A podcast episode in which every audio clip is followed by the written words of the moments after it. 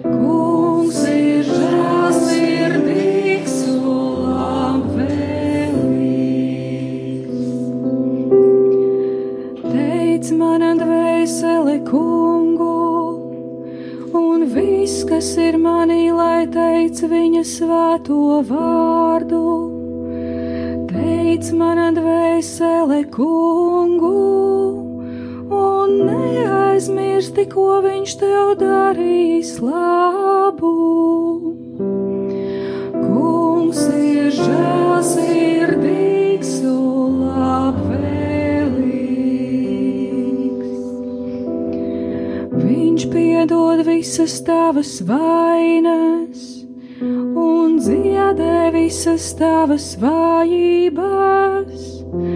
Viņš izglābi no nāves tavu dzīvību un apveltī tevi ar žēlastību un žēlsirdību.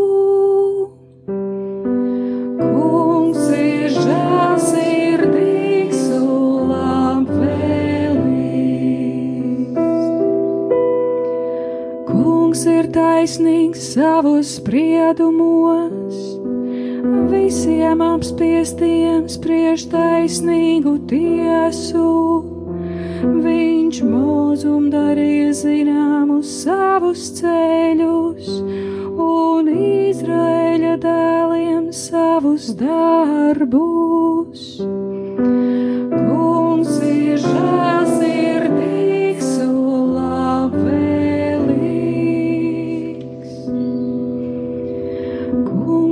žēlsirdīgs un labvēlīgs, lēnprātīgs un ļoti saudzīgs.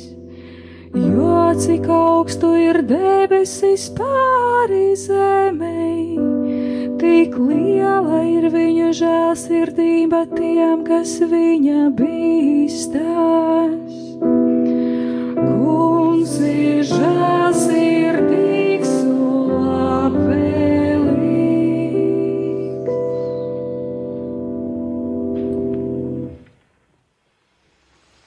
Lasījums no Svētā apakstoļa Pāvila pirmās vēstules korintiešiem.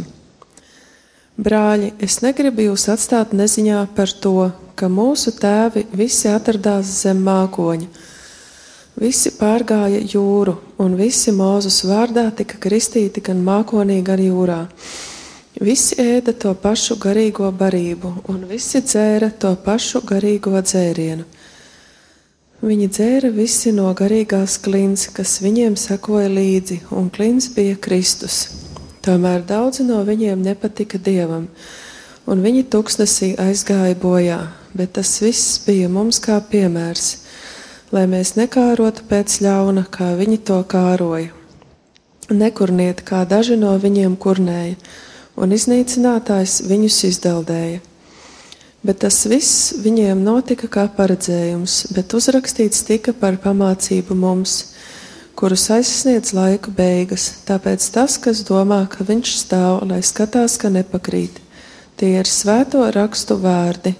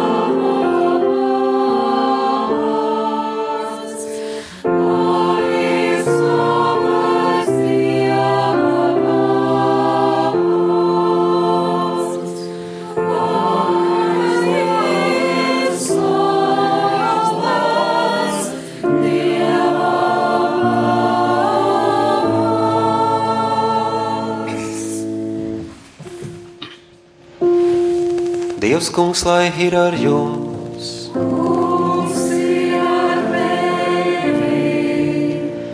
Lasījums no Jēzus Kristus evaņģēlija, ko uzrakstījis svētais Lūkas.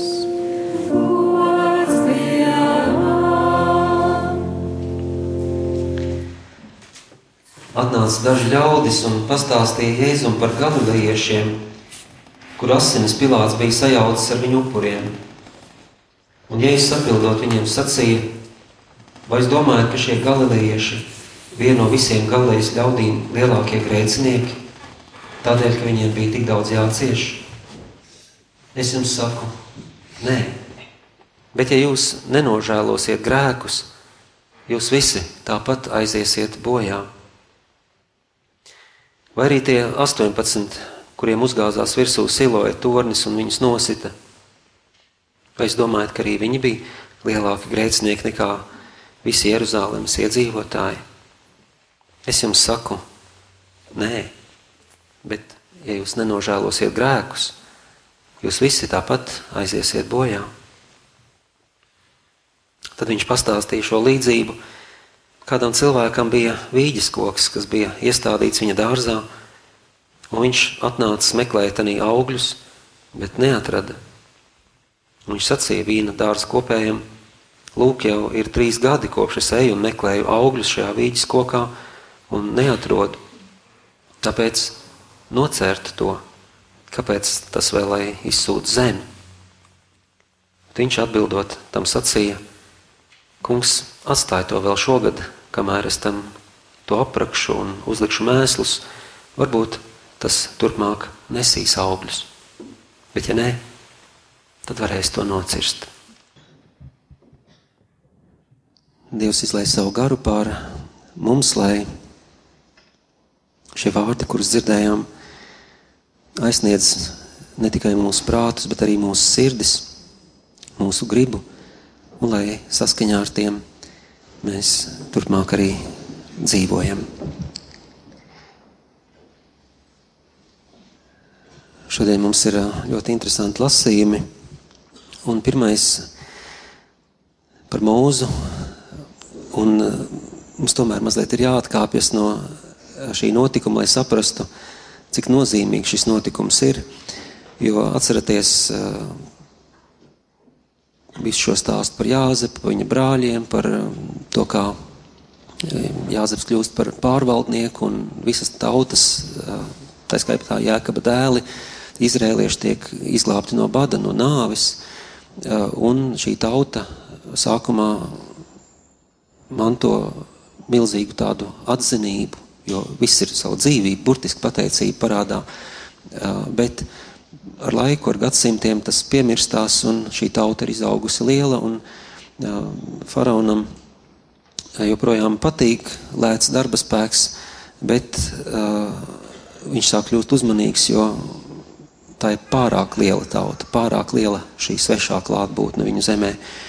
Un uh, viņš izdomā kā varētu to atrisināt, vienkārši nogalināt visus vīriešu kārtas pirmdzimtos. Tikko kā bērns piedzims, ja tas puika, mēs viņu nogalinam, ja tā ir meitene, mēs viņu saglabājam. Un uh, Mūzes tad attiecīgi tiek uh, pasargāts, gandrīz vai tiksim brīnumainā veidā, un viņš nonāk faraona galmā, viņš kļūst faktiski par faraona dēlu. Viņš tiek adaptēts. Uh, nu, ej, nu saprota dieva, dieva ceļus, bet tad, kad Mūzes ir izaudzis, viņā visu laiku ir šī dilēma starp kurai tad tautai viņš pieder. Viņš ir eģiptietis pēc izglītības, pēc kultūras, pēc statusa, bet jūtas pēc cimšanas un pēc sirds. Un kādu dienu, kad viņš redz, kā eģiptieši dara pāri jūdiem, viņš uh, apzināti vai nē, bet viņš nostājas tātad savas tautas pusē un viņš nogalina šo eģiptieti. Bet tātad tautā tas netiek uztverts pārāk labi. Nākošā dienā, kad viņš redz divus ebrejus savā starpā kaujamies, grib viņus izšķirt, viņš saka, kas tu tāds esi, grib arī mūs nogalināt, tā kā to, to eģiptieti. Un, protams, faraons uh, neatstās nesodīt, viņš meklē mūzu nogalināt, un mūzu bēg, un tad mums ir tas stāsts, ko mēs šodien dzirdējām. Un uh, mūzis jau ir aprecējies, viņam ir ar jetro meitu, viņš tagad gana avis, pilnīgi uh, teikt, cilvēks, kurš varētu teikt, ir absolūti nepiemērots pasaules glābšanai un te pašā laikā perfekti gatavs. Nepiemērots tāpēc, ka viņa tauta viņu neklausīs, viņš nav nekāda autoritāte pie ebrejiem, un faraons meklē viņu nogalināt. Tad viņam ir jārisina divu tautu problēma, kas abas viņus ienīst. Un kāpēc viņš ir kvalificēts? Tāpēc, ka viņš ir apzinās savu vājumu, vienīgais mēģinājums kaut ko darīt ir izgāzies, un tagad vēl tikai trūkst viena lieta. Viņam ir jāatklāj Dieva spēks un pār visam Dieva mīlestība. Un tad ir šī atklāsme, šis uh, es esmu esošais vai es esmu, kas esmu, vai es, es esmu, es esmu, vienkārši tā kā varētu mēģināt uz, uz, uzsvērt šo domu, kur Dievs pasaka, es biju uzticīgs līdz šim, es esmu uzticīgs šobrīd, es būšu uzticīgs arī nākotnē. Es jūs mīlēju līdz šim, es jūs mīlu tagad, es jūs mīlēšu nākotnē. Es biju patiesība, es esmu patiesība, es būšu patiesība un tā tālāk. Tad mums tiek atklāts Dievs, kas ir nemainīgs savā labumā, nemainīgs savā mīlestībā uz mums, un mēs neko nevaram izdarīt tādu, lai eh, šo mīlestību pret mums mazinātu. Tas vienkārši nav iespējams. Tad Dievs ir tas, kas viņš ir. Un, protams, tā kā viņš ir vienīgais esošais un vispārējais pastāv tāpēc, ka Dievs vēlas, aktīvi vēlas, lai tas būtu, tad par kādu Dieva tur, kāda kurnēšana vispār ir iespējama. Ja? Pāvils tālāk otrajā lasījumā tur pieminēs šo kurnēšanu. Tā tauta katreiz piedzīvo Dieva brīnumu, pie katra nākošā pārbaudījuma atkal kurna pret Dievu. Un mēs esam šīs tautas mantinieki diezgan uzkrītoši. Un šeit ir dieva, tiek atklāts dieva svētums, tad svēts Bībelē nozīmē kaut kas pilnīgi cits, transcendents, pilnīgi, pilnīgi kaut kas absolūts un, un neaizsniedzams. Un vienlaicīgi tiek atklāts Dieva tuvums. Ja, tad viņš no vienas puses saka, netuvojies klāt, šī ir svēta vieta, un no otras puses viņš saka, es esmu Abrahama, Īzāka, Jēkaba Dievs. Es redzu savas tautas spaidus, es dzirdu savas tautas spaidus. Un tā kā mēs pagājušajā svētdienā atklājām, ka tas bija pirmā reize, kad Abrahams ieticēja, ka tiek izmantots vārds ticēt, ja? šeit mēs esam atklāsmē pirmo reizi, kad Dievs atklāja sevi kā absolūtu dievu, tātad, kas ir nesalīdzināms ne ar vienu citu dievību, tāpēc, ka viņš ir visa esošā izraisītājs un viņš to visu uztur. Un tai pašā laikā viņš ir absolūti tuvu. Kaut ko tādu atklāt par Dievu, var tikai vārds atklāsme, tas ir tas ir īstais vārds. Neviena pagānu tauta nav varējusi, neviens cilvēks pats nav varējis aiziet līdz šādai atziņai. Ja mēs vienmēr iekrītam vienā vai otrā galējībā, vai nu mēs, nu, paskatieties pagānu dievības, kaut vai to latviešu piena māti, krupja izskatā, vai ne? Nu, mēs esam diezgan tālu no pilnīgas apziņas par to, kas ir Dievs, vai ne? Šis absolūti transcendentais, kas ir pāri visam, un te pašā laikā visā viņš ir tik tuvu, cik vien tuvāk nav iespējams. Mēs, mēs paši sev neesam tik tuvu, cik Dievs mums ir tuvu. Un, un tas vārds, ne, kad Mūzes prasa, nu kā tad tevi sauc, un gan jau, ka viņam pašam tas interesē, viņš saka, lūk, es esmu, es esmu, es esmu tas, kas es esmu, es esmu esošais, es, es esmu tas, kas biju, es esmu tas, kas būšu, es esmu ir mans, mans vārds. Un, un ar to šī tauta turpmāk atšķirsies no visiem citiem, jo visas apkārtējās tautas savus dieviņus sauks par uh, varenajiem, par karavadoņiem, par stiprajiem. Bet šī tauta varēs Dievu saukt par Jahve. Nu, viņa gan nekad to vārdu ne, neuzdrošināsies izrunāt. Viņa teiks, kungs, bet ar to domājot šo es esmu. Dievs, tu esi. Par ko man baiļoties, no kā man bīties. Psalms jā, turpina šo pašu domu.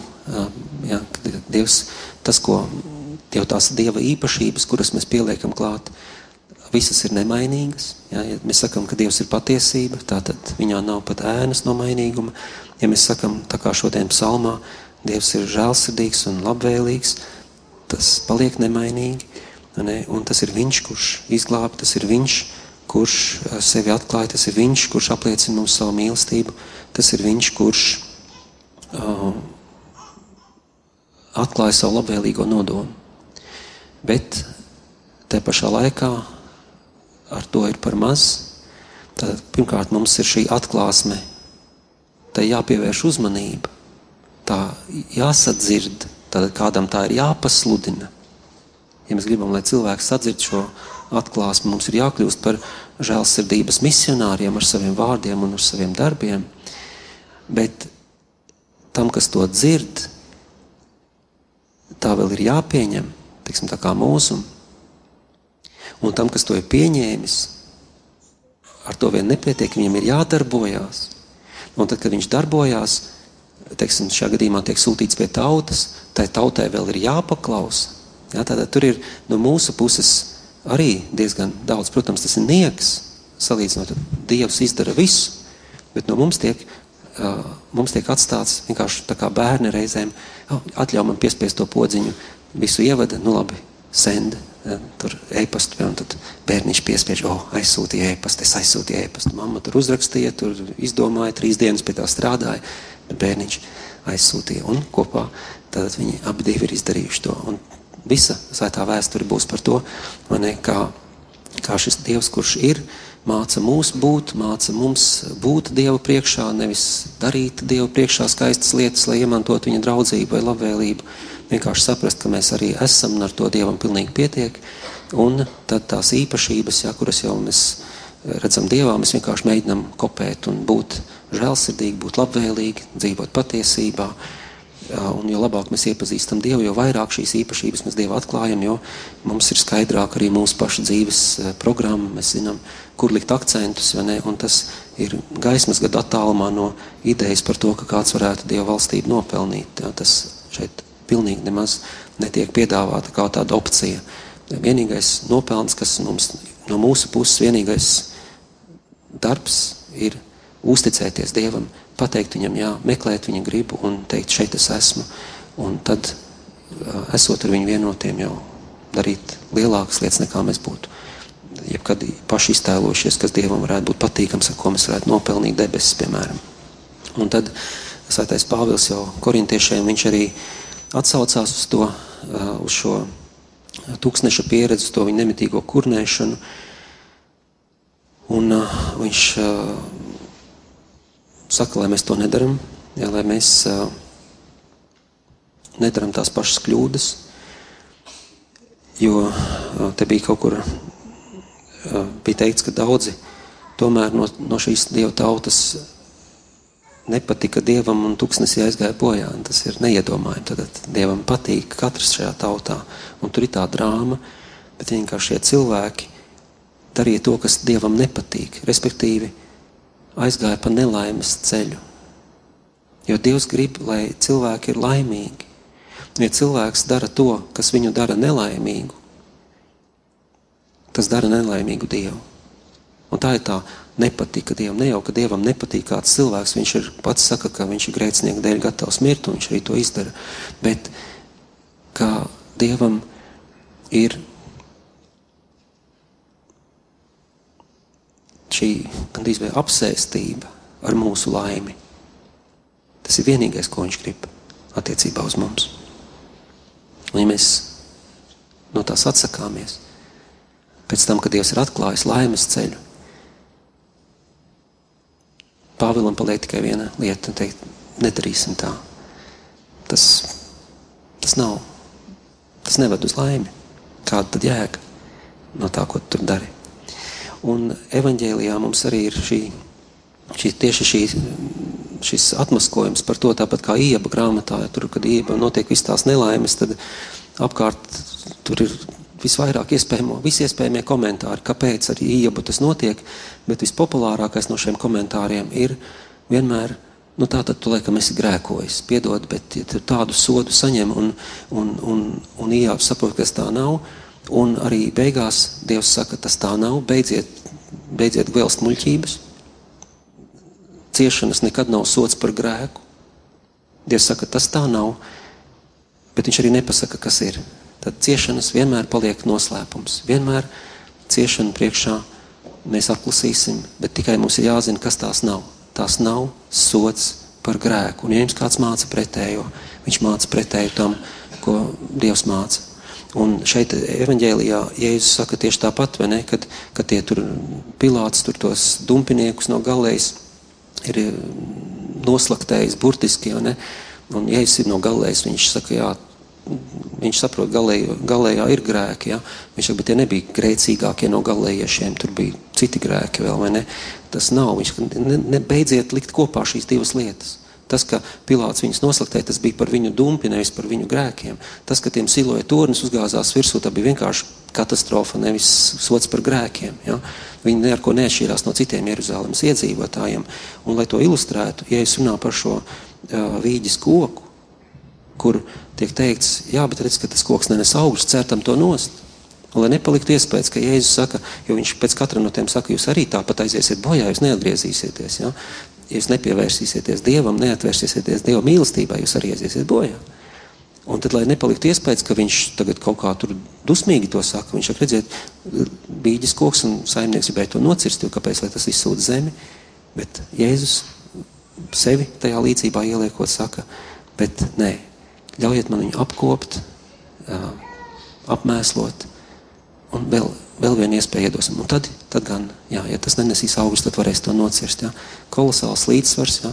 Dievs nevar mūs, ja mēs sakam, nē, viņam tas nē ir jāpieņem, tikai viņš katreiz nu, vēl vienu iespēju. Mums dod, nu, nu labi, nu vēl vienu iespēju. Kad tikai mēs atgrieztos, kad tikai mēs nostātos uz laimes ceļa, kad tikai mēs neaizietu bojā. Jā. Lūk, kādu Dievu mums atklāja, lūk, kāds Dievs ir vienmēr bijis, kāds viņš ir šobrīd un būs vienmēr un kāpēc šis es esmu ir tik ļoti, ļoti svarīgs uh, vārds Dieva atklāsmē. Kāpēc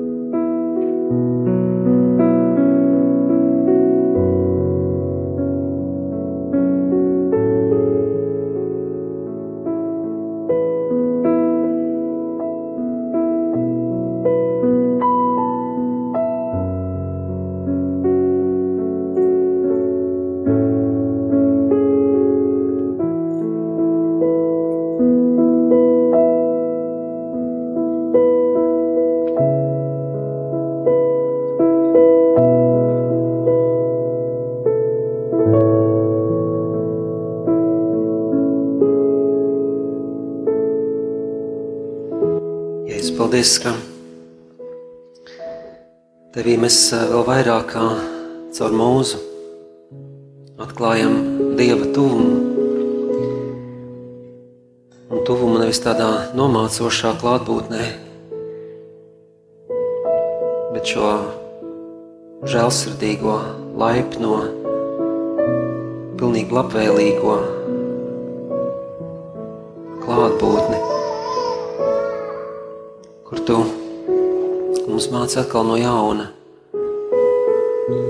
ka ciešanas nekad nav sots par grēku.